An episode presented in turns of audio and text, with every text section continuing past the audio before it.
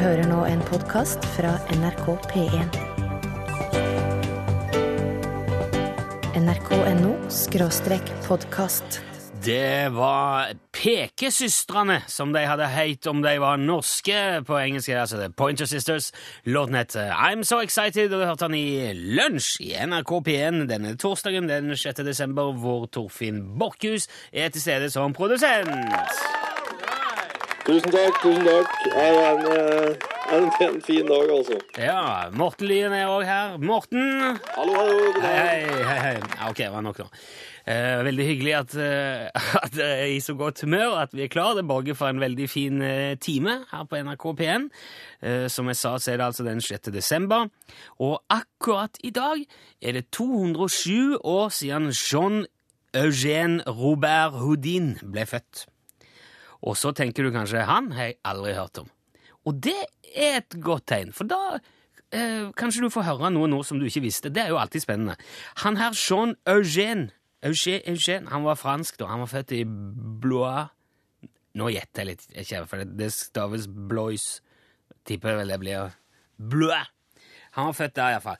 Og så utdannet han seg eh, egentlig som urmaker, men han hadde samtidig en stor interesse for gjøglere og magikere og sånn. Nå begynner det å nærme seg noe, fordi eh, etter hvert så begynte han òg å gjøre sine egne små triks, denne, denne karen her. Og det, han ble etter hvert en ordentlig flink tryllekunstner. Og det ble til og med lagt merke til av den franske regjeringen, fordi at på 1850-tallet så vokste det fram et opprør i fransk Algerie. Eh, For der var, der var det altså et fransk kolonistyre. Og det opprøret ble i stor grad ledet an av religiøse ledere som utførte en del såkalte mirakler for å inspirere folk til kamp. De gjorde eh, Ja, de utførte eh, triks og mirakler og fantastiske ting og sa 'se hva vi kan, bli med og ta franskmennene'. Og det gjorde at eh, den franske regjeringen da sendte denne Jean Eugène Robert Houdin for å vise at franskmennene de hadde jammen sine egne mirakler oppi ermet. Blant annet da, så dro eh, denne karen til, til fransk Algerie, og så lot han en araber skyte på han med ei merka kule. Så han tok eh, kula, merka den, skrev kanskje sikkert signaturen eller sånn, det pleier de å gjøre, de tryllekunstnerne. Skyt på meg, sa han, og så fanga han den kula med tennene. Det var jo veldig imponerende. Og så hadde han også med seg en tom boks, som i, i utgangspunktet var veldig lett. Et barn kunne lett løfte opp denne boksen, og så satte han den ned på bakken, eller på scenen, eller hvor han sto, Eh, og så inviterte han opp en svær fyr og sa 'prøv du', og da var det umulig. Da var det bang, sto han helt dønn fast. Og det var fordi at han hadde montert en elektromagnet under gulvet. Så flippa han en liten bryter, og så var han umulig å rikke denne boksen. Og disse triksene, pluss mange andre, gjorde da at Jean Eugène Robert Houdin ble ansett som skaperen av moderne tryllekunstning. Han var liksom den første ordentlige tryllekunstneren på den samme måte som man kjenner i dag. Uh, det, var, det var masse trylling og gjøgling og sånn på markedsplasser og torg før det òg, men han kledde seg fint og tok eh, forestillinger inn på teater, inn i private fester. Han gjorde det, han gjorde det stilig, da. Så Derfor regnes han som den moderne tryllekunstens far. Og han har òg inspirert en annen tryllekunstner, nemlig Erik Weiss. Han tok artistnavnet sitt etter Jean Eugène Robert Houdin. Han kalte seg Harry Houdini. Ikke verst. Der, nå har vi lært noe til og med på en torsdag. Det er ikke verst. Houdin, Houdini. Ser du er imponert, Torfinn? Jeg var helt sikker på at eh, det var Houdin som kom til å ta artistnavnet Houdini. Vet du, så jeg ble overraska over at det var lærlingen hans. Ja, nei, det var mye, det var mye senere. 207 år siden han ble født. Han hadde blitt 207 i dag hvis han hadde levd, men det gjør han jo selvfølgelig ikke. Det var dagens dose med informasjon om magi. Nå litt populærmusikk. Det får briste eller bære. Ta deg nå ei pære, Torfinn Borchhus. Det var vamp. Det var det. En uh, gammel vamp. Ja. Jeg har ikke hørt så mye gammel vamp. Jeg har hørt bare den eh, siste tids vamp. Å ja. Det er noe helt annet, syns jeg. Å ja. To forskjellige band. Ja, det er to det er forskjellige vokalister iallfall. Dette var jo Gamle Toften. Ja, for dette er så lett. Det er så, det er så springende lett. Jeg tenker på vamp som litt sånn tung i stegene nå om dagen. Å ja. Sånn uff, uff, uff. Du har bare hørt en Liten fugl og Ja, den er fin. Ja. Den er veldig fin. Ikke så tung i stegene, den. Den er tung i stegene, ja. Ja, prøv å gå etter to liten fugl. Jo, men det er ikke alt du skal gå til. Kommer til å se ut som du er sv... Ja. Jeg tenkte jeg skulle minne litt om eh, julegavedugnaden som vi starta i går. Vi fant jo ut at eh, hvis vi alle sammen eh, går sammen og legger et lite bidrag i en pott, så kan en av oss få en heidundrende ansamling av julegaver i posten. Eh, Tanken er da, Dette, dette er utspring fra våre Lykke i skogen håndstrikka votter som jeg har fått fra Kirsti. Jepp. Eh, Veldig stilige votter som det ligger eh, bilder av på Facebook. Vi har lurt på hva vi skulle gjøre med disse vottene, så fant vi ut vi lager en julegavepott. Og alle de som vil være med, kan sende sitt bidrag til potten til lunsj NRK P1 7005 Trondheim. Mm. og alle som deltar, er med i trekning om hele greia. Ja. Og så legger vi til en del uh, lunsjeffekter til alle de som sender inn, da. Ja. Så oddsen er litt bedre enn bare den ene potten. Så um, har dere, eh, dere som vil være med på det her, da, dere har da tida fram til Altså ut, godt ut i neste uke, da, med å sende til oss. Ja, Vi må trekke det 14, eller neste fredag, altså Ja. fredag 14. for å rekke post, postens frister før jul. Ja. Så da, da trekker vi altså ut ett navn av alle dere som har sendt inn ei pakke til potten. Og det ene navnet får da tilsendt hele greia Ja. å se. Eh, også, men oss har da noen trøstepremier på lur og slik òg, så jeg tror at det skal jeg tror at det skal bli et fi, riktig så fint lotteri. Ja, det blir med moro. Det er ikke lotteri, det er en dugnad. Eh, Jeg tror ikke du kan kalle det lotteri, dugnad. for det er ikke lov. Vi driver ikke lotteri. Nei, nei, er en helt, helt enkel, basisk, god, gammeldags norsk dugnad. Ja. Nå skal det handle om noe helt annet. Mer info på Facebook hvis du er interessert i det. Eh, Du er jo ekspert på alt i hele verden, Torfinn Borchhus. Ja. Påstår du med jevne, ujevne mellomrom. Ja. Men ikke se på papirene mine nå. Nei. Nei. Jeg ser øynene dine. Jeg ser deg inn i øynene. Det jeg kommer til å gjøre nå, er å stille Torfinn en serie med spørsmål om et tema som han er ekspert på. Ja. Åpenbart kan det være et hvilket som helst tema, i og med at Torfinn er ekspert på absolutt alt i hele verden. Eh, og i løpet av disse ti spørsmålene så må jo Torfinn finne ut hva det er av, hvilket av hans ekspertområder det er jeg spør spørsmål innenfor. ja. Stemmer. Er du klar? Ja. Vi skal gjøre det sånn på 20 spørsmål-måten. Du må eh, gå bort og holde i eh, Holde fingrene i ørene Ja. og si hva er det, det, det, det, det, det, det, mens jeg forteller lytterne hva temaet er. ja. Nå? Ja, ta det Eh, Torfinn er ekspert på snøfreser. Snøfreser. Ok. Ja. Stemmer det at denne tingen ble patentert allerede i 1870? Ja, det er riktig. Det var, eh, da fikk patentkontoret i Michigan inn eh, en eh, søknad fra en herremann ved navn eh, Oyden. Og han, han ville da, han ville da eh, eh, patentere den moderne skurtreskeren. Ja, nei, det var jo ikke det han Det, Det var ikke skurtreskeren. Det var ikke det, nei. Det ikke skurtreskeren. Men eh, stemmer det likevel at den første varianten av dette ble montert på et tog? Ja, det er riktig. Oh. Eh, den, det var jo fordi at det var enormt mye snø på, på skinnegangene. Så den aller første snøplogen ble, eh, ble montert på et tog. Det var liksom eh, det var det som, det, det var det som var testa for, Ja. for, for første effekt. Ja, jeg vil jo ikke se at det var At det er kanskje ikke helt der med uh, er ikke- det er ikke snøplog jo- det handler om. Det kan være en sammenheng, men jeg tror ikke det. Jeg ville ikke sagt at det var det du kunne best. Nei, det er et lite dilemma. Men jeg, altså, bare for å gå videre, da, for å få dette her presist. Det har jo blitt ganske vanlig for privatpersoner å ha dette nå, har det ikke det? Ja, snøfreser. Ja! Wow! Det skulle tre spørsmål til. Dette kan du virkelig godt. Jepp. Var det så Men det var kanskje for lett? Eh, nei, men det at jeg, At det det at jeg først for inn på skurtresker, det gjorde at jeg kom i en slags sånn I en, i en slags Innafor en assosiasjonssirkel, som det kalles. Det Slik at når det faktisk var eh, noe Altså, jeg har faktisk tenkt på at eh, når det kom snø i går, så har du blitt inspirert av det. Når du logger ditt eh, Når du logger Forutsigbar, altså. Ja, det er det kan Ja. Nei, men Det var veldig bra. Du er definitivt ekspert på snøfreser. Yep. Der hørte du Sally Song, framført av Maria Solheim. Og i går, eh, under Pål Plassens julekakejulekalender, så oppstår det jo en liten diskusjon her. Ja, stemmer. Det var, var tvil om hjortetaksalt og hjortesalt og hornsalt og alt Ja. mulig slik. Ja, for Pål kom og sa at eh, det, var, det handlet om smultring i går, og da sa Pål at det var tyskerne som fant opp det. Du kan stole på en tysker når det gjelder å få stekt deig i fett. Ja. Det var de først med.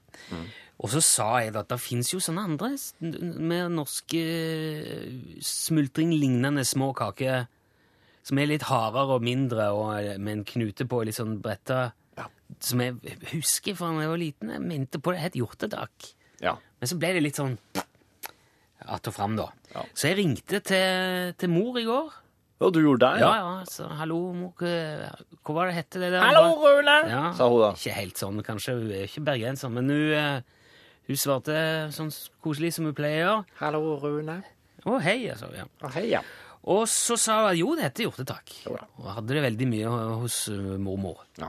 Og det er jo fordi at det er hjortetakksalt eller hornsalt i oppskriften. Så alle hadde rett her. Var- Veldig fantasiløst uh, oppkalt uh, kake. Spray. Det er konjakk òg i de kakene der. Ja. Eh, så da, og det er en av sju sorter for veldig mange.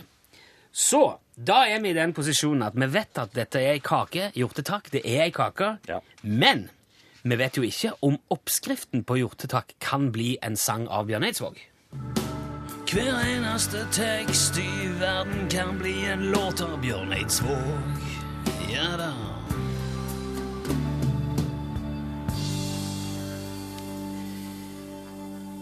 Og nå er jeg i den posisjonen at jeg har glemt eh, teksten her på kontoret. Så eh, dette Dette er veldig dette, Hadde du eh, logga deg en tekst, eh, men det var bare basert på ei oppskrift du fant? Ja, det er Ja. oppskrifter på hjortetak. Ja. Så den, eh, nå finner jeg den her. Nå skal vi Ja, og så skal du prøve å synge den som Bjørn Eidsvåg, og når du har sunget den som Bjørn Eidsvåg, så vil oss da kunne bedømme om det, om det rett og slett lot seg gjøre, om ei vanlig, basal kakeoppskrift kun blir ei låt til Bjørn Eidsvåg. Det aller meste har jo vist seg å kunne bli det til nå, men dette er jo ekstremt. Dette er langt ute. Ei kakeoppskrift er veldig eh, er jo ganske kjedelig og mekanisk. Ja.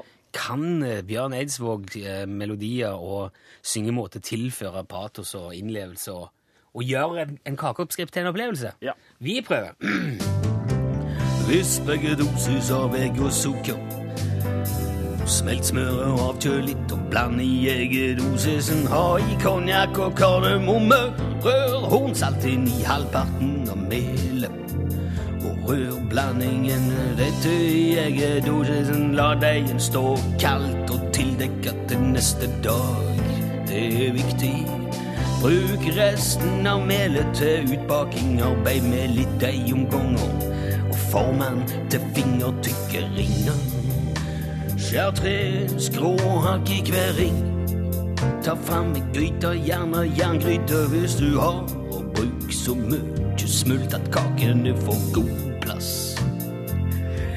Kok hjortetakkakene gyllenbrune og varme smulten. Sjekk at smulten er varm nok med å stikke en trepinne ned i gryta. Når det freser rundt pinnen, kan kakene legges i. Pass på at smulten ikke blir for varm under kokinga. Og det var hele oppskriften. Takk skal du ha. Takk skal du ha. Klarte du hele, da?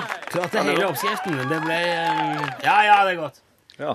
Jeg klarte hele oppskriften, ja, men jeg syns det var teit. Veldig. Det ble eh, Jeg syns det var eh, Det var, Til og med til Bjørn Eidsvåg ble det masete. ja, det ble sånn der, eh, hva kalles det, spoken word. Altså du, Ja, det du på grensen til noe rapp. Rapp, ja. Det var det jeg tenkte. Ja. Og Bjørn Eidsvåg er vel ingen rapper. Nei, han, eh, det hørte oss jo nå. Kunne vært interessant å se på sikt om det var noe for uh, De Lillos eller Terje Tysland eller DDE eller noe sånt. Ja. Det får vi ta etter hvert. Men jeg syns at eh, På kakeoppskrift kommer Bjørn Eidsvåg til kort, altså. Faktisk. Gautier og Kimbra var det du hørte. Låten het Somebody That I Used To Know. Og nå, samtidig, et helt annet sted. Ja, da har vi vaskegulvet, og så har vi børi ved. Og jeg har vært og satt opp fugleband, og jeg har pyntet tre, så nå syns jeg vi setter oss og hviler. Ja, men det er greit, det. ja, pust litt på en stund. Jeg jeg ikke rugge vogga her, altså, så får, får broren som en blund nå. Ja, det var, det var snilt gjort av deg. Ta da, Dra krakken bort et glass her. Ja. Setter vi oss og ser. Jeg tenkte kunne jeg prøve å finne den leia der julestjerna her. ja, det må nå være den blankeste til alle, det, da. Hun Ja. som er så klar og stor. Ja, ja du, du ser hun der? Ja, og over der, taket der, som er uh, jordmor-matcha-bord, vet du. Stemmer det, ja. Der. Ja. Blunka til meg. Hun er, hun er så snill, den stjerna. Hun, ja, hun blunka nå, kan du se. Ja, ja, jeg så det. Så blunker hele tida. Nå skal jeg fortelle deg en ting, og så skal du få høre på. Ja, koselig det. Den første gangen denne stjerna skinte, så laga hun ei bru. Å, Ja, imellom seg og himmelen og ei krybbe og ei ku. Ei ku? Ja. Hva slags ku? Ja, ja, Ei eh, kvige, Å, regner jeg med. Ja, I den krybba så lå en liten gutt. jaha. Ja, Gutt, frisk og rein og god, sant? Er Ja, ser det. Altså, det er mora på stelten, og så sto far hans bare borti her og lo. Ja, det, det var vel kjønnsrøllemonster. Ja, det var kjønnsrøllemonstre på den tida. De sto bare og lo, da. Han hadde ikke født, han, vet du. Så var ikke, han hadde ikke noe Hold vondt. kjeften din, Asgeir. Og gjetergutta der omkring, Dum kute til og fra. Det betyr å springe. Jeg mente ikke kjønnsrullemonstre. Det var ikke det, det var ikke det jeg hørte jeg sa. Nei. Nei, Og hva var det du skulle si for noe? kjønnsrollemønstre. Ja, det var det. det, var det. Ja, men altså disse her gjetergutta Det er noe som gjeterguttene eh, gjør. da De har nå med seg lamunger overalt. Ja. De barna med seg dem. Det er Altså, jo, er jobben deres. ja, det er jobben deres. Og så Ta med deg lammet, sier de når de drar. Ja. eh, eh, Har du ikke med deg lam? Er ikke du gjetergutt? sier de da. Må jo ha det hjem. Ble trønder nå. Nei, jeg er Rindøl. Uh, å, men uh, som gutten skulle forstå, i alle fall. Og til og med tre vise menn. De rei flere Altså, de skulle ri i flere dager, for, og ingen som visste veien, og ikke henne bar. Var de fulle, da? De var Ja, alle de, de, de, de, er, de er fulle. Vise menn, alle fulle. Men var det, var, var det da, da før de stjerna da, som sto og blunket? På himmelhvelven blå. Ja vel. Ja, Ja. ja. Men, så ingen av dem gikk bort seg. Alle, alle tre fikk se. Ja. Hva, var, var dette der første gangen eh, Altså denne der julestjerna brann, da? Ja, det, det må det ha vært. Ja, og, og siden har hun faktisk brunnet i alle verdens land. Yes. Ja. Så samme som henne, så er, er stjerna like stor. Og, og det er den du ser der? Og, over taket, der som jordmormatja bor? Det er som jeg, jeg skulle sagt det sjøl. Det er ganske utrolig. Det er helt utrolig. Det var akevitt, da. Takk, ja takk. Ella Fitzgerald, 'Winter Wonderland', det er en julesang. Stemmer. Der fikk du den, du som ønska deg det på tekstmelding i dag. Jeg har fått òg melding om at det heter ikke hjortetakk, det heter hjortebakkels. Den baksten, ja. Ja, men den har, det er noen som skriver at det heter Fattigmann, og Ja, jeg har hørt Ja. noen si fattigmannsbakkels eh, i eh, Det heter jo vannbakkels og ja. Jo, men vi sa noe Den har, den har mange forskjellige navn. Oss, kan ikke, oss klarer nok ikke å bli enige, tror jeg. Det som, er, det som er mer interessant, er at uh, i en melding her står det Jeg og en kamerat brukte i et meget opphøya stemning hornsalt ved grilling av makrell. Ja. Fordi jeg fant ikke vanlig krydder. Ja. Og det er jo sånn en ammoniakk eh, em- av det som ble laga Det ble laga av dyrehorn før. Nå er det jo kjemisk. Ja, akkurat. Så eh, det, ifølge denne Jeg takler tolker det dit hen at det ikke anbefales Nei, å bruke til makrell. tolker det dit, jeg òg. Ja. Nå skal vi ha dagens lyd ved radiotekniker Morten Lyen. Hva er det det går ut på i dag, Morten? Um, I dag tenkte jeg jeg skulle prøve et eksperiment. Oh, Eh, det er stort sett kaldt over hele landet. ja, veldig. Ja. Veldig. Og det er sikkert flere le som begynner å bli ganske lei at det er så kaldt som det har vært nå. Ja. Ok, ja. Nei, det tror jeg går bra. Um, og så, som kjent, så er de beste bildene får du på radio. Ja, det gjør du. Hva du sier jeg? Og i dag så tenkte jeg at jeg skulle um, teste ut det, da. Ok. Så jeg ordna uh, litt musikk og så litt lyd. Ja. Og så skal vi se om vi klarer å få radioen til å la folk få litt varme i kroppen. Å ja. Så jeg rett det og det slett ser? eh, sjekka badetemperaturen rundt omkring i, Ja, det er det vi har fått, ja. ja. Ok, så vi skal bare, da skal vi bare lese dette, da? Ja, og så har jeg, jeg setter jo opp en liten lydkollasj med um, reiseradiokjenningen. Ah! Og lagt på litt strandlyd og litt måkeskrik og litt bølgeskvulp og forskjellig. Så skal vi lette tatt øynene og drømme oss I hvert fall uh, fram til mai-juni. Men du, Juli. du gir oss et tegn når vi skal begynne å lese dette her, du da, Morten. Ja, så la musikken få etablere seg litt ja, og så, ja, ja, greit. så kommer dere inn. og ser. okay, okay. Vi kan ikke lukke øynene, da, for da ser ikke hva som står her. Men eh, du, kan, du som hører på, kan jo lukke øynene hvis du ikke kjører bil eller driver noe annet som krever syn, og se om dette tar deg med til en varmere tid. Hvordan skal vi lese det? da? Skal vi lese det bare som oss Det er sånn reiseradioen koselig. OK. Ja. Kanskje jeg skal være litt sånn dette der ja. Da setter vi oss over til reiseradioen.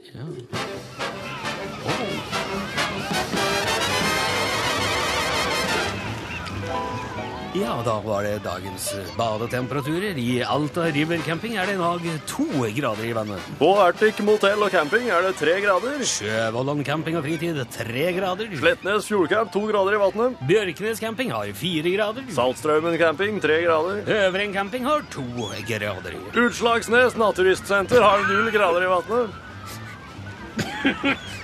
Levanger camping og sommerhotell har tre grader. Fettenfjord camping har fire grader. Hunderfossen fem grader. Magerli camping fire grader. Brøttum camping har tre grader i vannet. Elverum camping fire grader. Notodden camping fem grader. Jomfruland camping fem grader. Og det er også på Sjøsanden fem grader. Lindesnes camping og hytteutleie fem grader i vannet. Og helt til slutt Sola motell og camping. Fire grader i vannet i dag. Herlig.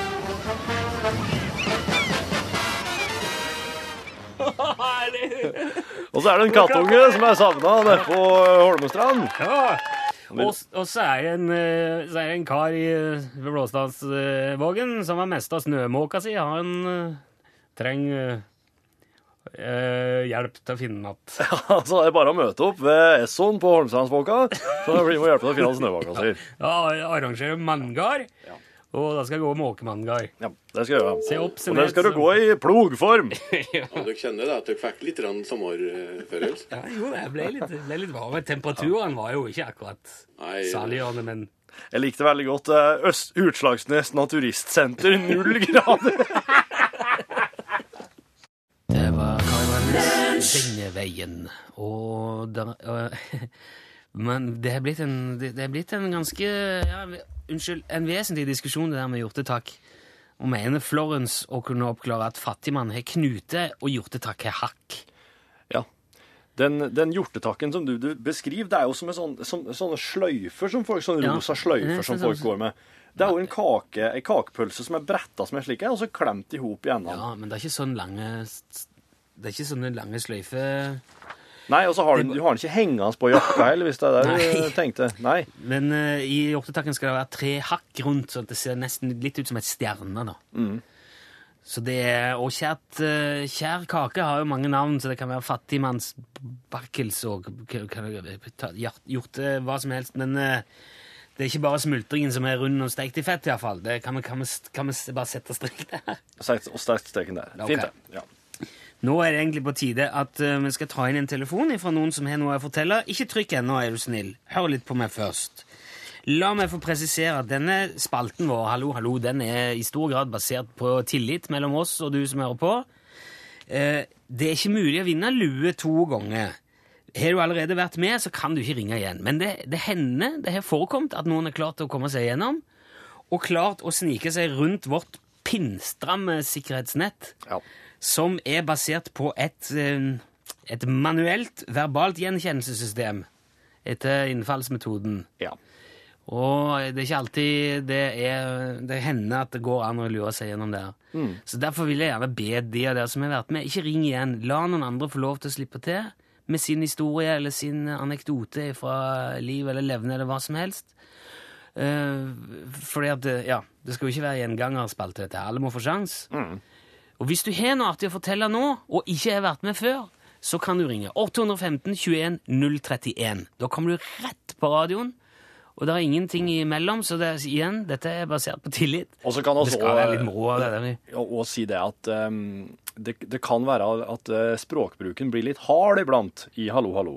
Ja. Sånn at oss vil, oss vil jo oppfordre til å, å, å spore på de verste kraftuttrykkene. Prat pent og høflig, men nå ble det veldig mange krav til lytteren. Vi tar det som det kommer, og så får vi tåle det som kommer. Det er Nå jo bare kunne moro. stille krav. Hallo, hallo! Hallo, hallo. Hallo, hvem snakker vi nå? Du snakker med Ivar Pettersen fra Lødingen. God dag, Ivar fra Lødingen. Ja, Da er vi et stykke nord i dag. Så ja hyggelig. var godt, å, godt å komme inn på sin, sin egen bursdag i dag. På sin egen I bursdag, i bursdag i dag. Er du bare bursdag? Gratulerer med dagen. Gratulerer med dagen, Ivar. Da er du, altså Uansett hvordan denne historien går, så skal du i alle fall få plaster på såret fra oss eh, i anledning bursdagen, Ivar. Det skal jeg love deg. Ja, det hørtes jo. Ja. Du, hva har du tenkt eh, å fortelle Ivar fra Lødin? Du skal jo høre det at eh, på, sånn på 70-80-tallet, når vi hadde den tida da vi hadde sånn efterparty når man var ute på byen, så så hadde vi jo litt etterparty da når vi kom fra diskoteket. Og, eh, og, og da var det sånn at hvis det var noen som var så uheldig så sovne før festen tok slutt, så ville vedkommende Ja, det ville skje et eller annet med vedkommende. Ja. For, ek, for eksempel barbere halv, halv, halve barten bort. Eller noe. Ja, ja, ja. ja, legendarisk. Ja. Og eh, denne historien, den er sånn at eh, det var jo en kar som var så uheldig å sovne, eller rettere han ble borte fra festen. Og han forsvant Og, eh, helt? Ja, nei, han, eh, han, han ble borte fra stua. og Ja. Vi lette etter han, og vi fant han på soverommet. Her var det sommer, det var jo varmt og godt. Ja. Og der lå han i senga eh, helt naken. Så, så, så sier jeg til guttene at nå kommer jeg på et eller annet. Så jo, jeg henta meg en skiftnøkkel, en liten, lett skiftnøkkel. Så la jeg den i fryseboksen. Så lot han ligge der en sånn halvtimes tid. Og så går vi ned, så sier jeg gutta, kom igjen, skal du se her. Så betta vi en litt lett snor fast i, eh, ja, du vet, den. En, en snor i, i lille karen jaha Ja, Han lille karen hans. Oi. Og eh, så betta jeg den fast i skiftenøkkelen. Og så, så, så setter jeg nå skal vi se noe artig her. Slapp jeg skiftnøkkelen opp på magen på han. Den var jo iskald. Nei, nei, nei! Og det første han tok tak i, det var jo skiftenøkkelen og heiv han. Men jeg, men jeg kan love deg at den karen der, han sto fort opp i senga. Hvordan tok han det? Dette må jo være avgjørende. Ble... Og heldigvis så gikk jo snora av. Ja, ok. Å, kjøttet ble litt letta der, ja. Hva? Ja, jeg ble litt letta der. Jeg håper det var godt at snora gikk av. Det er risikabelt. Jeg tror du skal ha et godt forhold til den som sover, før du, eh, før du drister på en kopi her. eh, Ja. Mm. Ja, Han var fin, den. Du får tommel opp av meg. Morten er med. Torfinn er med. Da, ble, da, da skal du få både lue og plaster på sår. Gratulerer med dagen, Ivar. Tusen takk for at du var med. Takk, takk. Ikke legg på. Vi må ha adressen din. Takk for et kjempeprogram. I like måte, hadde vi sagt. Der var en selveste Fats Domino eh, på tampen av lunsj og Blueberry Hill. Det tror jeg var kanskje den første kassetten jeg noen gang kjøpte med. Det var Fats Domino med Blueberry Hill. Ser du det? Da jeg var liten, ja. Mm. Hva... Den gikk i bilen. Ah, ja. Den var helt fillot. Jeg spilte mest Bjøro Haaland i bilen med. Ja. Den tror jeg har gått i en god del biler òg. Ja. Eh, når vi nå først var innom på altså, Morten satte oss jo i veldig sånn reiseradiomodus tidligere her. Da, da tenkte jeg kan jeg passe fint når vi nå først er innom det, og ta med den tekstmeldingen som kom nå, Fra en lytter som fant ei barnepengebok på parkeringsplassen ved Europris i Holmestrand i går. Der var det en del penger, Ja. og den er levert til politiet i Holmestrand. For det er en politisak, for unger skal ikke ha så mye penger. Og så eh, Hallgeir, Hallgeir har sendt oss en tekstmelding som er litt sånn jule, i julemodus. Apropos presanger, skriver Hallgeir. Det var en liten gutt som ønska seg trøbil til jul. Og Foreldrene sa at hvis han ba hver kveld, så kanskje han ville få en. Det nærmer seg jul, og far hans går ned i kjelleren og logger en trøbil. Lager trøbbel, ja. Julaften så åpner gutten pakka, og så når han har åpna så springer han rett ut på rommet, så faller han hendene sine, og så ben han. Og så sier han, kjære Jesus, har du aldri sett en trøbil før? det sier litt om snikerkunnskapene om far. Takk for den.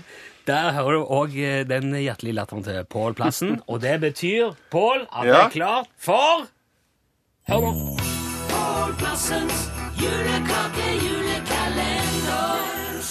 Fantastisk! Pålplassens julekake-julekalender. Og den fineste vignetten jeg noen gang har fått. Masse etterklang og Med underlag. med underlag. Å oh, ja, det skal gå, det her. Det skal ja. vel ligge liksom ganske langt bak det, Morten. Sånn, eh, ja. Ah, så fint.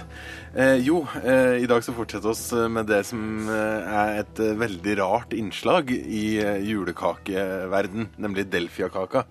Min Det- favoritt. Er det din favoritt? Det er ikke julekake, det? er det? Jo, jeg tenker at det er en julekake. Oh. Eh, og så tenkte jeg skulle finne ut eh, mye mer om det her Delfia-fettet som er inni der. Fordi at jeg syns det er så eksklusivt at en eh, kake har sitt e helt ega produkt som du kun bruker til det, den ene kaka, hvis Ja, du ja, ja, ja. Betyr det at du kan ikke bruke Delfia-fett til noe annet? Jo, så har jeg undersøkt litt, da. Og eh, du kan bruke det til å lage slike risboller, vet du. Ut av puffa ris. Ja, med sjokolade og Ja. Det hadde vi mye hjemme hos oss. Ja, der bruker du Delfia-fett, da. Der lå farsa nå. Delfia-kaka og risbollene. Farsan sin spesialitet. Nemlig. Eh, og så eh, begynte jeg å søke litt på det her Delfia-fettet. Det er jo da kokosfett, det her. Og så tenkte jeg at her stoppa det med Delfia-kake og de her kokosbollene. Nei, unnskyld. Eh, risbollene. Ja. Men så fant jeg en som skriver her, skjønner du. Det er veldig artig.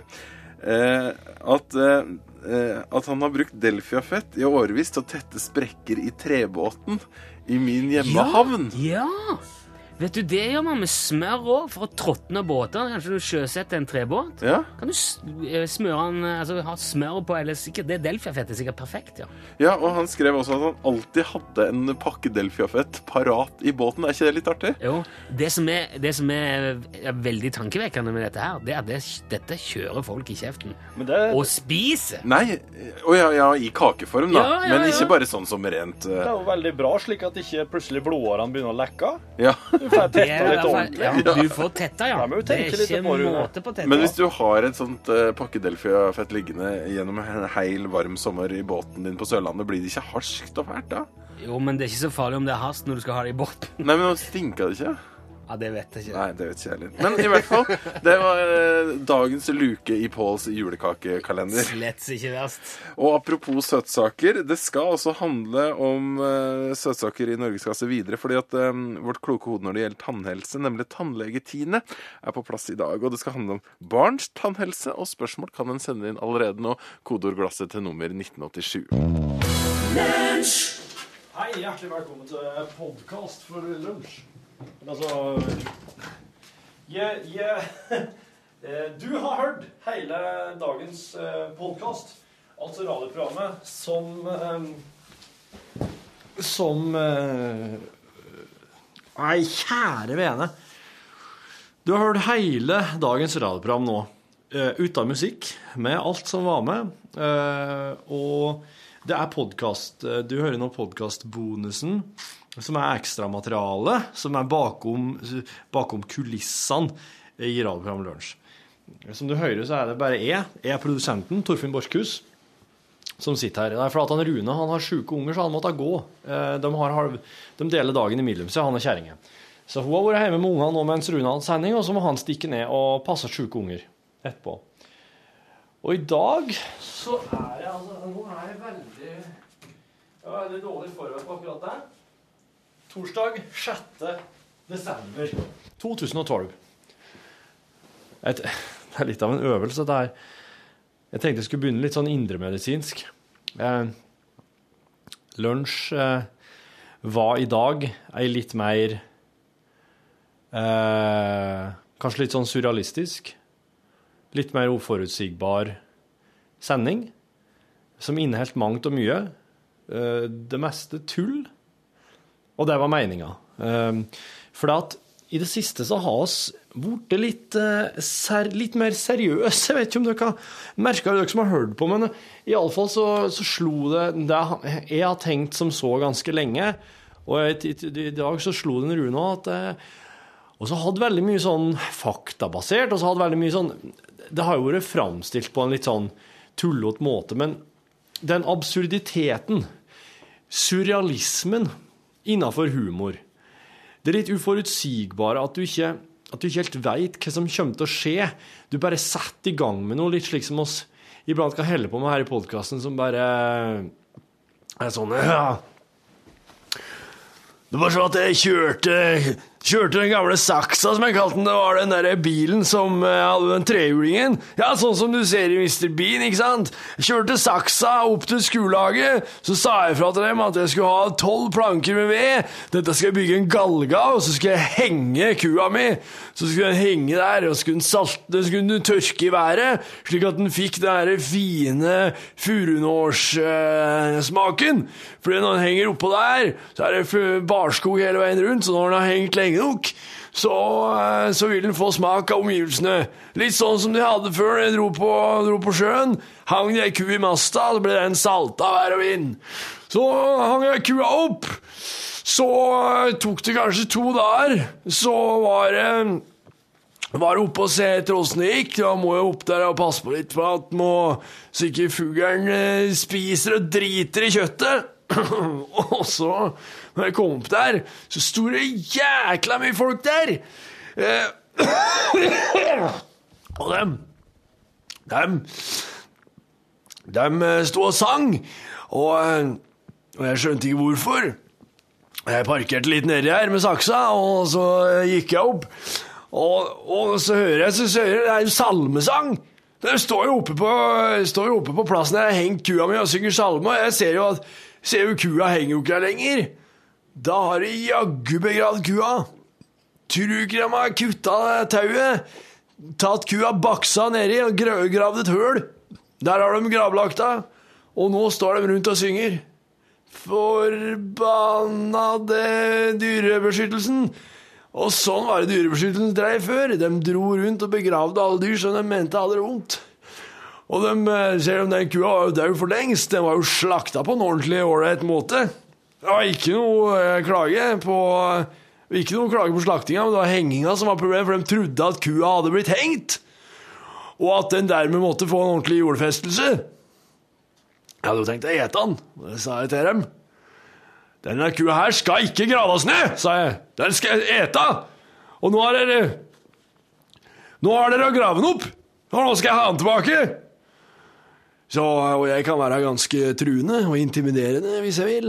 Så eh, de grov den opp. Så slengte vi den inn i saksa, inn i bilen. Så tok jeg meg kua hjem. Og det siste jeg sa før jeg slengte igjen døra og kjørte, var eh, Det var jaggu bra at dere hadde gravd den, for jeg liker veldig godt grava kjøtt! Sa jeg, så kjørte jeg.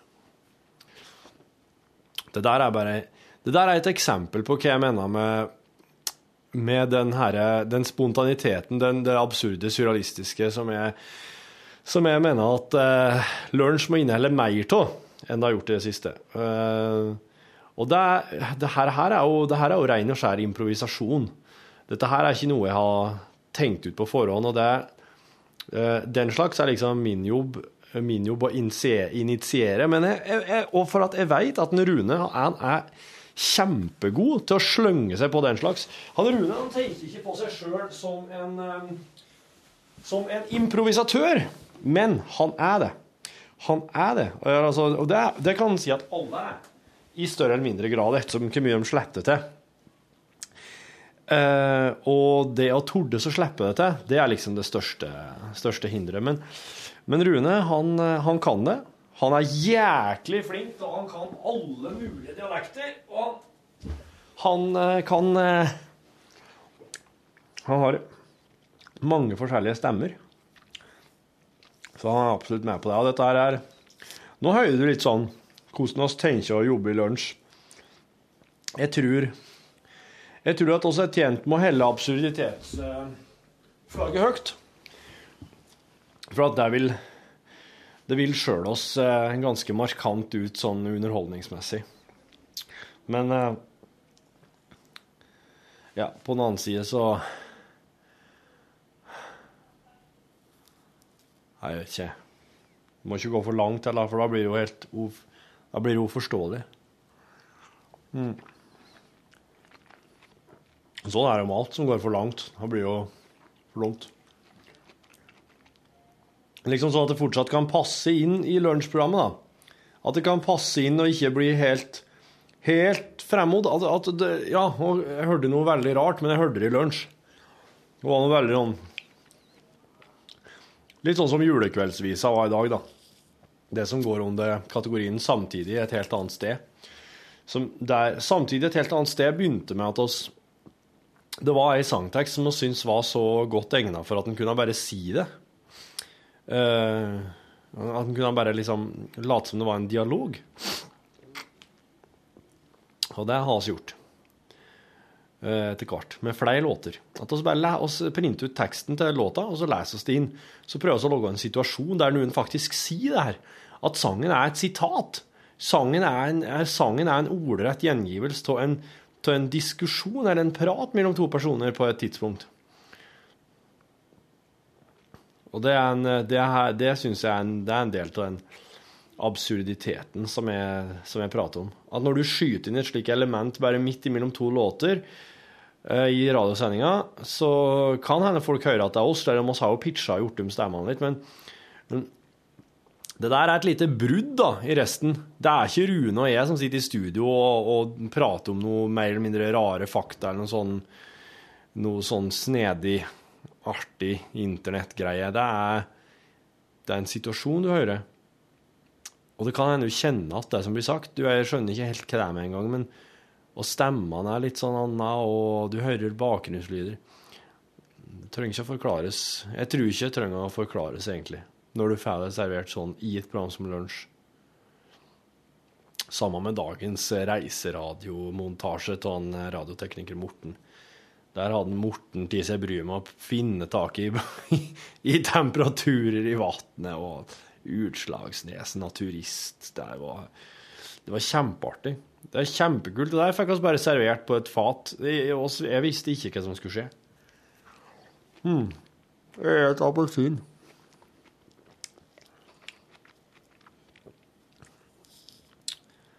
Det kan være litt uh, tungt å sitte og prate om eh, prate i ekstramateriale for seg sjøl, men det kan jo være en slags sånn eh, Hva jeg det? Confession cam. Altså en sånn betruelses... Eh, en plass der du Sånn som de har i reality-program, der de kan gå inn i et helt eget rom. Eller Torsdag kveld fra Nydalen holder de på med det. Går inn i et helt eget rom og sitter der og forteller hva de syns om eh, ting generelt. Så jeg, jeg er veldig godt fornøyd med at nå må oss nå, sånn at oss har liksom begge hadde en sånn, Både Rune og jeg hadde en felles tanke om at det må tulles mer. Og da kommer jo mine, min improbakgrunn eh, til, til sin rett igjen, og det er jeg veldig glad for. For den har ligget litt sånn i brakk nå. Ganske lenge.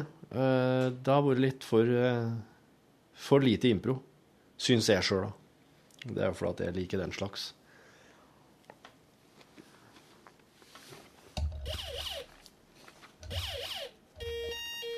Ja, du er så kort, du.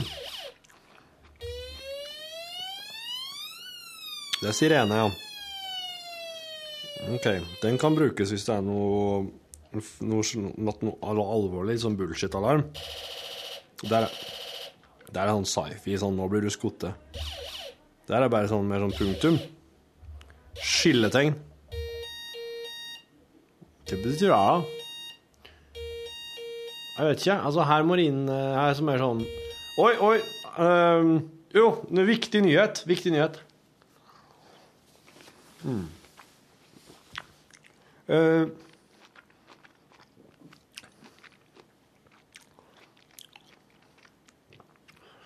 jeg savner litt uh, lydinnslag fra dere som hører på podkasten. Hvis dere har lyst på Utslagsnes Transport og Skarvsnipphue, så må dere sende inn en lyd til oss som vi kan ta med her på radioen og spille av folk. Det er ikke noe Det er ikke noe høy terskel her. Det er bare å sende inn. Og vi blir glad for alt vi får, og sitter ikke her og gjør narr av det og eh, Nei, på ingen måte. Vi blir kjempeglade for alt vi får, og vi bruker det. Så fremt det ikke inneholder statshemmeligheter, eh, injuriesakmateriale, hell noe som oss Nei, det, det, det tror jeg generelt Altså, eller at, at Nei, men eh, nei, det, det er faktisk ikke Det er ikke, det er ikke høyere terskel enn som så. Det må ikke være noen statshemmeligheter, det må ikke bli en injuriesak. Hvis du klarer å styre unna de to tingene når du sender inn en, eh, en lydfil til oss, da, da er du der, altså. Da, da, da, skal eh, omdanne den i våre, våre datamaskiner, legge den inn i podkasten, og la alle som hører podkasten, få høre den. Og så skal du få snipphue som takk. Ikke en grei avtale? Jo, det er det. Det er det.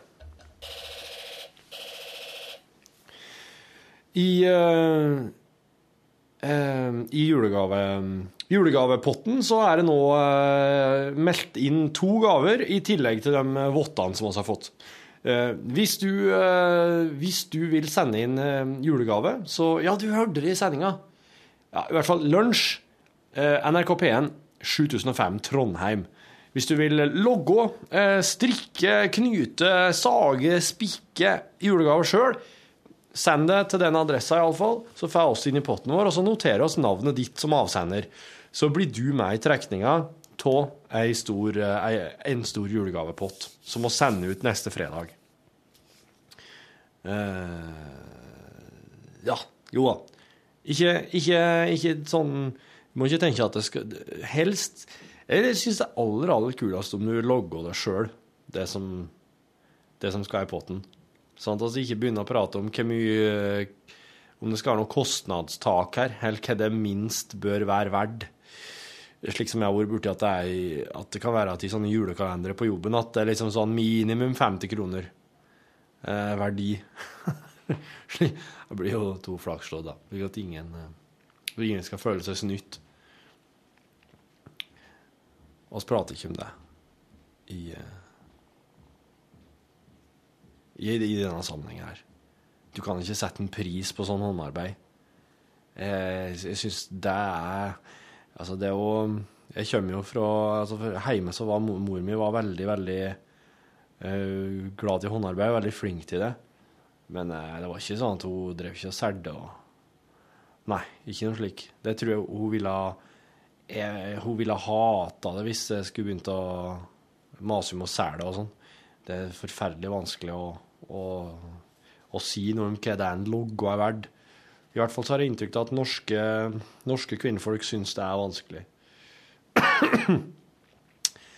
så øh, hvis Men gjerne hvis, hvis du Men det er jo egentlig en kjempebra ting å gjøre. Det er jo egentlig det, det å kunne sette en pris på et sjøllogga produkt. Det, det er jo en god øvelse. Det er en veldig nyttig øvelse. Ikke at du kunne at du kunne- med, med klar tale si at jo, vet du, dette her, her dette materialet her kosta meg så og så mye innkjøp. Jeg har slike og slike driftsutgifter uh, på verktøyet jeg bruker. Uh, nedskrivinger og, og diverse. Uh, investering i utstyr. Ny, større utstyrspark. Bedre, nyere utstyrspark. Jeg har brukt så og så mange timer på å logge dette her og så samla til slutt. Kanskje du har eh, Kanskje du har ans... Nei, altså ja, ansatte. Ja, ja. Unger. kanskje, nei, de er ikke ansatt. Men kanskje du har eh, Kanskje du har noen andre driftsutgifter òg? Mer sånn or, or, organisatoriske, administrative. Alle disse tingene her eh, pakka i hop til en sum, til et beløp, til en kost. Så har du en kostpris, og så har du en eh, kostpris, og så har du Det og det det koster å logge det, og så har du det du slipper for altså, verdi. I økninga i verdi, altså Hva i alle dager er det? Ja, faen, jeg gjorde det så bra på bedriftsøkonomi på høgskolen, men eh, jeg har ikke brukt det noe særlig aktivt. Nå har jeg Nei, nå får jeg Nå ser jeg, der ser jeg hvordan det går. Nei, kostpris er vel faktisk bare rent og skjært råstoff. Altså hva du har, hva du har innhenta, hvor mye penger du har brukt på det du Hvor mye materialutgifter du har. Tror jeg det. Så alt annet kommer på etterpå der, da. kjempenyttig øvelse å gjøre hvis du holder på å logge noen ting. Du faktisk skal kunne logge noen ting og si hva det koster å stå for det. Og at det ikke er noen sånn, at det ikke er noen kunstig høy oppjustering av utsalgsprisen heller. At det er sånn, ja, sånn er det. Sånn må det være. Og såpass må jeg ha igjen i overskudd. Til meg sjøl. For det er jeg har logga her. Og jeg skal ha igjen noe for det òg. Jeg logger ikke her bare fordi jeg elsker å logge det, og jeg ikke vil holde på med noe annet. Jeg logger for at det skal kunne generere et overskudd òg. Well, well, well, well, well.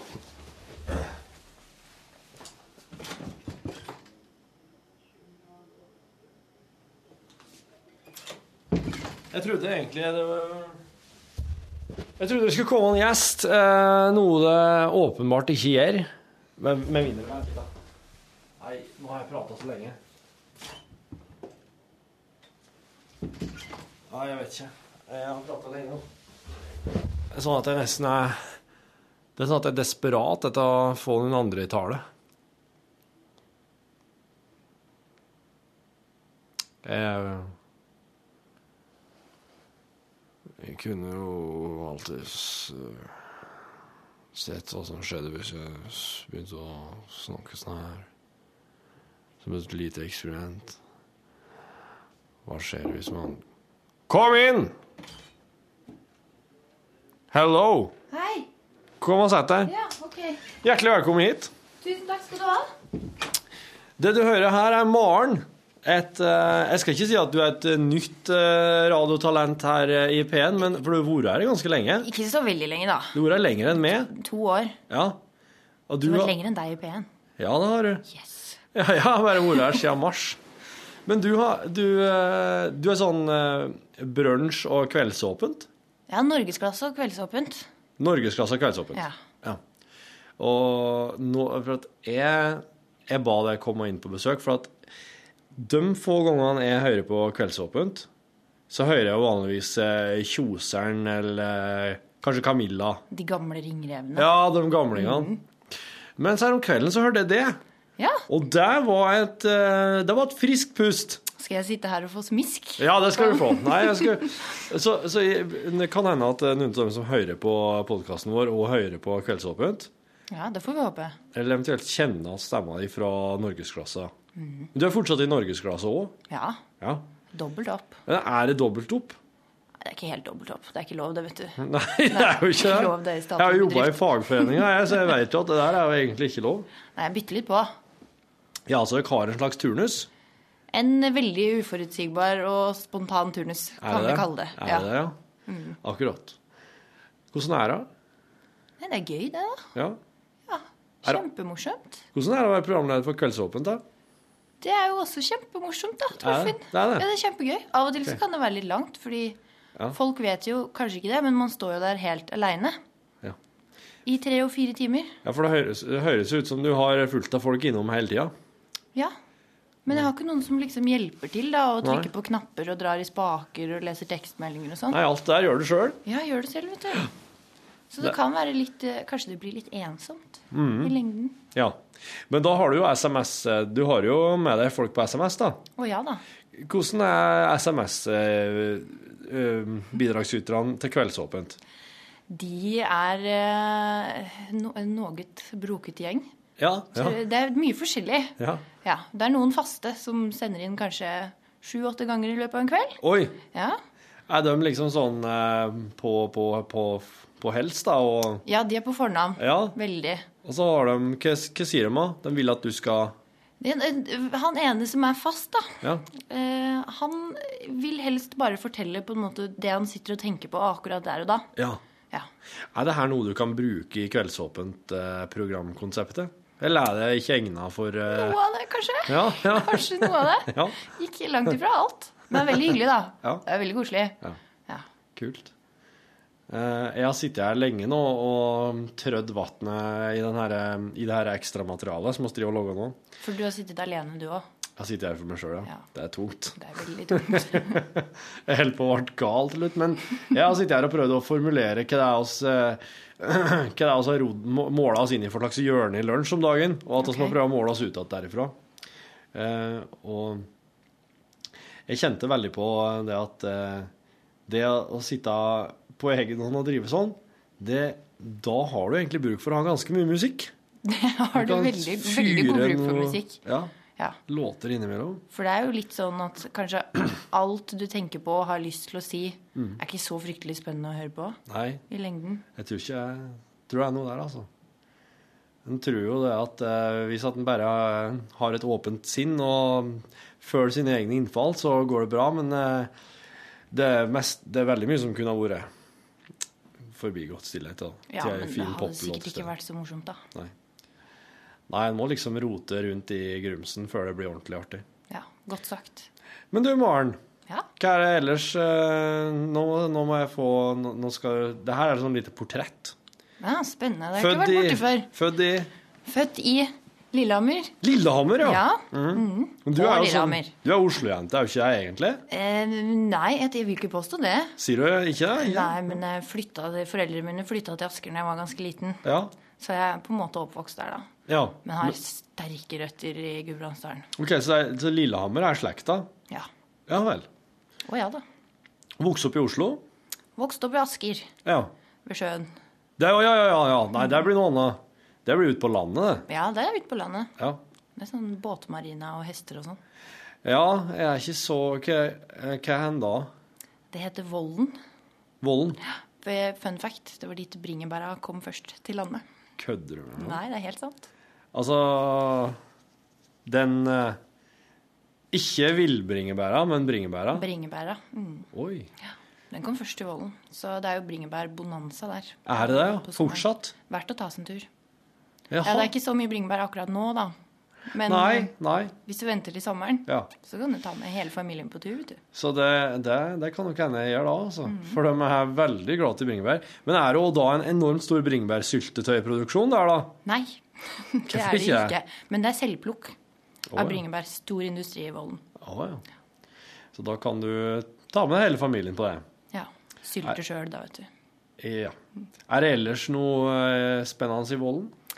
Ja, vi har eh, kanskje et av de mest sånn eh, sære museene i Norge, tør jeg påstå. Det, det tviler jeg på. Ja, det, ok, ja, det var kanskje litt, å ta litt hardt i, men vi har et eh, iskuttermuseum.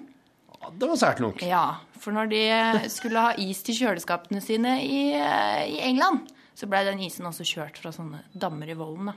Så da har vi et eh, museum Wow. fullt med isoporfigurer av menn som skjærer is. Wow!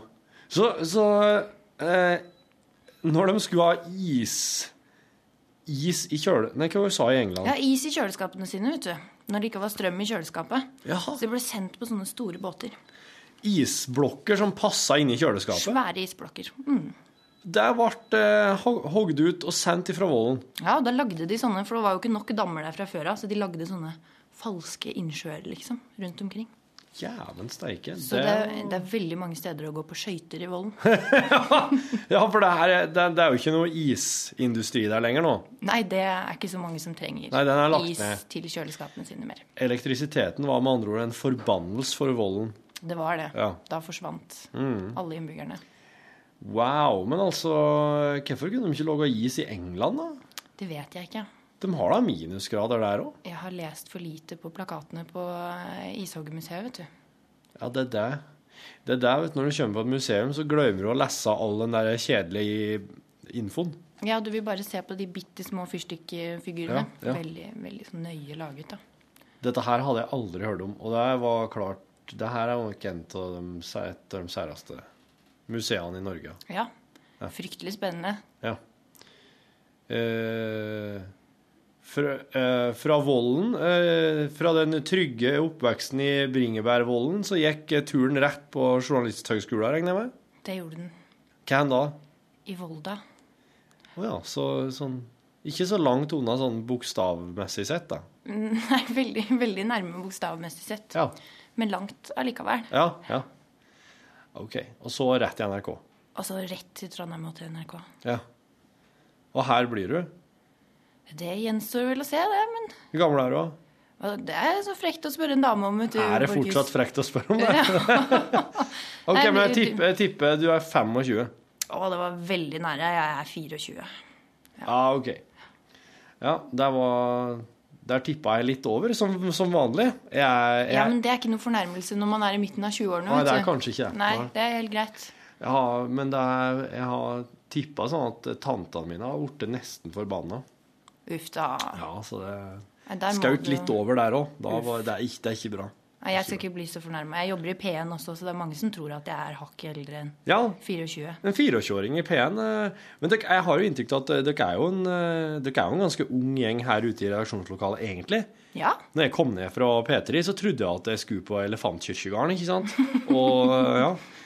Men han Ellen, som er i Brunsj, ja. er jo ung. Hun er sikkert Jeg tenker hun er på alderen din òg, Ja, Hun er litt eldre, men Ja. hun er i slutten av 20-åra. ja. Agnete, Ja, hun er jo ganske ung. samme det òg. Samme der òg. Det er ikke så mye gamlinger her som en skulle tro. Han. Pål Plassen er ikke noen gammel eh, Han er ikke så gammel, han heller. Nei, du blir bare lurt av den der veldig koselige dialekta. Ja, ja, ja. ja. Eh, det er jo det er et ungt, mye yngre miljø enn jeg egentlig hadde sett for meg. Ja, du sklei rett inn. Er dere venner hele gjengen, dere andre ute her? eller? Dere henger jo opp på fritida og sånn? Ikke så mye, egentlig. Ikke? Nei, ikke sånn veldig mye. Nei. Men litt. Jeg trodde dere var sånn skikkelig sånn herre bande som bare åt middag, laga for på kino og faen på alt mulig i lag. I så fall så har de ikke sagt noe til meg, da. Og det ville jo ha vært litt grann trist. Ja.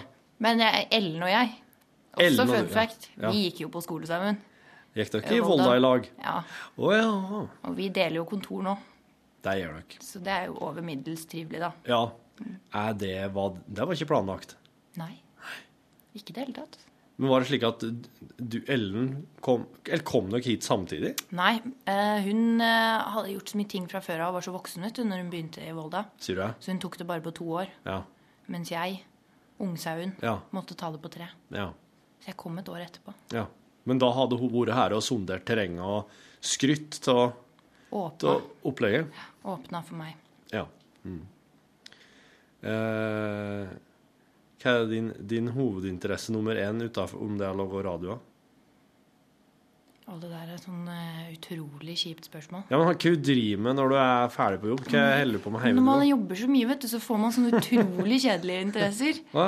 Det er mest eh, ting som foregår på skjerm, på en måte. Ah, vel? Ja. Det, mye, det blir mye TV-serier. Det er TV-serier, ja. Ja. OK. Men så- ja, dette har jeg jo jobba med, så det... Du broderer? Jeg broderer, ja. Det er jo en slike- ærverdig tradisjon.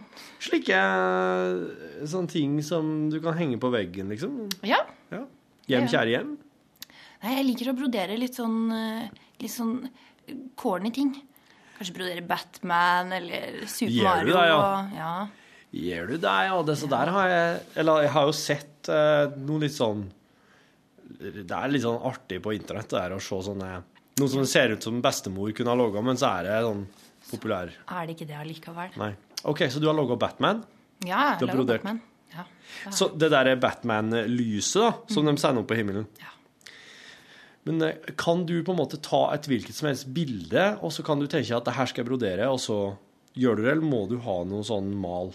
Jeg trenger ikke noe mal nå lenger, for nå er jeg blitt skikkelig dreven. Så nå kan jeg liksom tegne opp, så nå har jeg kjøpt sånn rutepapir og sånn, så jeg kan Ja. sitte og krysse sjøl. Ja, ja. Hvor lang tid bruker du på en, eh, en sånn en, da? Du, nå er det jo snart jul, så nå har jeg jo sittet masse med det her. For dette her skal du gi bort i julegave? Ja, det er jo kjempe Det slipper jo så billig unna, vet du. Ja, Når man kan noe det er håndarbeid. Ja, Men da kan jeg bruke Noen kan jeg bruke tre uker på, andre kan jeg bruke tre dager på. ja, ja.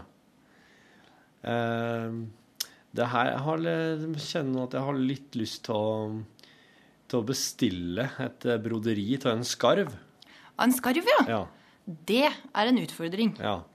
Eh, at, eh, og så har jeg lyst til at oss da skal um, gi ut den i en sånn spesiell sånn lyttergave, sånn konkurranse i lunsj. Det hadde jo vært kjempeartig. Ja. Et broder, for at det er så Det er så midt i blinken. For dem som hører på oss, er jo gjerne kanskje i ja, de, de spenner jo liksom ifra alt til 20-åringer til 80-åringer. Ja. Og en, brod, en skarv brodert og innramma sånn, den kan henge så hvem som helst av dem. Det er jeg faktisk faktisk helt enig i. Ja. Det var en veldig sånn universell gave, syns jeg. Skarvbroderi. Ja. Eh, så, så når du nå er ferdig med julegaverushet og, og nyåret kommer, og du er liksom litt sånn uthvilt, Ja. så skal du, så skal du få brodere en skarv, og så må vi finne ut hva Jeg har akkurat sittet her og prata om håndarbeid. Oh. Jeg kom inn på det sporet for at um, Og så har ei som heter Kirsti. Hun har strikka disse her. Å, se der! Det kalles Lykke i skogen. Du, de var fine. Ja. Og disse her skal vi da legge i en julegavepott sammen med julegaver som vi får fra andre lyttere. Og så skal vi trekke en, ett av navnene som har sendt oss en gave, som får hele julegavepotten. Oh. Ja. Og da begynte jeg å prate om det her med at uh, Kirsti har jo sendt oss disse, og, og jeg håper jo på en måte at at andre som vil sende inn noe til julegavepotten, skal kan, eh, sende inn noe de har laga sjøl. Håndarbeid. Ja. Eh, og for at bare det å Det å drive med håndarbeid er jo sånn eh, Mor mi holdt jo veldig mye på med det, men hun, hun ville aldri i verden sette en pris på de tingene hun laga. Det var ikke noe, det var ikke noe tema.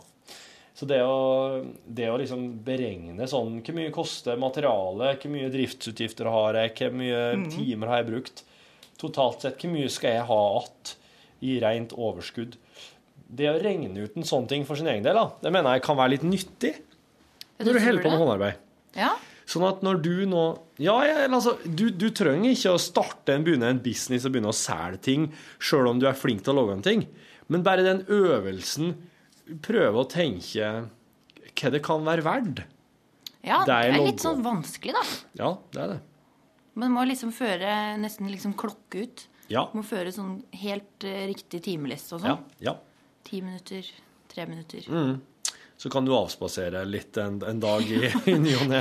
Broderiavspasering Ja, i dag. ja, på egne vegne. Holdt på i to timer i Mm. går. nå- Så hvis at, du, hvis at du har lyst, så kan du jo kjenne litt på ja, hvor mye kosta det her med å, å logge, og så kan du få litt penger for eh, det skarvbroderiet, vet du. Ho, nå ble det plutselig veldig attraktivt med skarvbroderi. Ja. Og hvis at, hvis at den blir fin, så kan du være sikker på at du får flere bestillinger, for den skarven har blitt en veldig populær fugl her i lunsj. Ja, jeg har skjønt det. Men eh, jeg merker at eh, det blir nok Ja, det blir nok mye jobb. Vanskelig å brodere skarv, tror jeg. Jeg vet ikke om det fins noe skarvmal fra før av på nettet. Jo, det, det. du skal jo nå, fordi at du er med i lunsj, så skal du jo få ei Utslagsnes eh, transport og skarv eh, snipphue. Ja, jeg ble lokka med det. Vil du ha svart, eller vil du ha kamuflasjefarga? Åh, det spør så vanskelig. Jeg, jeg, vet du hva? jeg tror jeg vil ha svart, ja. Svart, ja. Og der ser du skarven, for skarven er i logoen. Ja, se der! Ja. Så sånn er altså den For den har en ganske karakteristisk vingeform. Ja. Der er lunsjboks. Og matboks òg. Ja.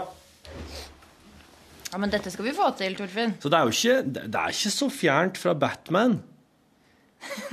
Symbolet. Det har du helt rett i. Det er bare litt spissere vinkler. Det skulle dere ha hatt, sånn herre skarvlys.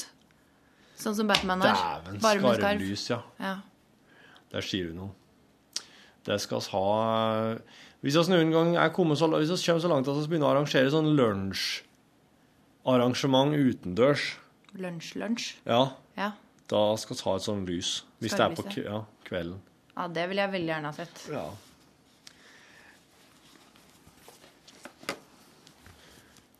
Men eh, eh, du som hører på, da. Ja. Hør på Kveldsåpent, da. Så, så hører du kanskje Maren. Er det sånn at du, hvor mange kvelder i du Er det bare sånn tilfeldighet? ja, det er litt sånn eh, Ja. som det passer seg. Ja. Nå er det jo Nå er det faktisk hver femte helg. At du har kveldsåpent? ja, hver femte helg. Og det er ikke så mye. Nei. Men eh, jeg skal jo ha i morgen, da. Og på fredag og på søndag. Ja. ja. I dag er det den eh, 6. desember, altså det vil si den 7. desember. Og den 9. 9. desember. Kan høre Maren i Kveldsåpent. Ja. Det er, veldig, det er en veldig fin eh, Det er en veldig bra radioprogramleder det du skal få høre da. Og eh, hun har en tilstedeværelse som jeg syns er veldig, veldig kul. Så det ble, sånn, det ble lunsj i oppfordring til å høre på et annet program. Nå smigrer du meg. Ja, ja, ja, ja, ja men det, Nå er- ble det jeg er- rødme her. Vet du at når du rødmer, så rødmer magesekken òg? Jo, det er sant. Er det sant? Ja, det er faktisk. I hvert fall, tusen takk for at du var med, Maren. Eh, bare hyggelig. Takk for at du lasta ned podkasten vår, du som har hørt det. Og har du noe motto eller noen leveregel? Eh, nei. Nei, det har du ikke. Nei. Så da klarer dere for ut av det i dag, kjære podkastlytter. Det beklager jeg. Da sier vi ha det bra. Det gjør vi. Ha det!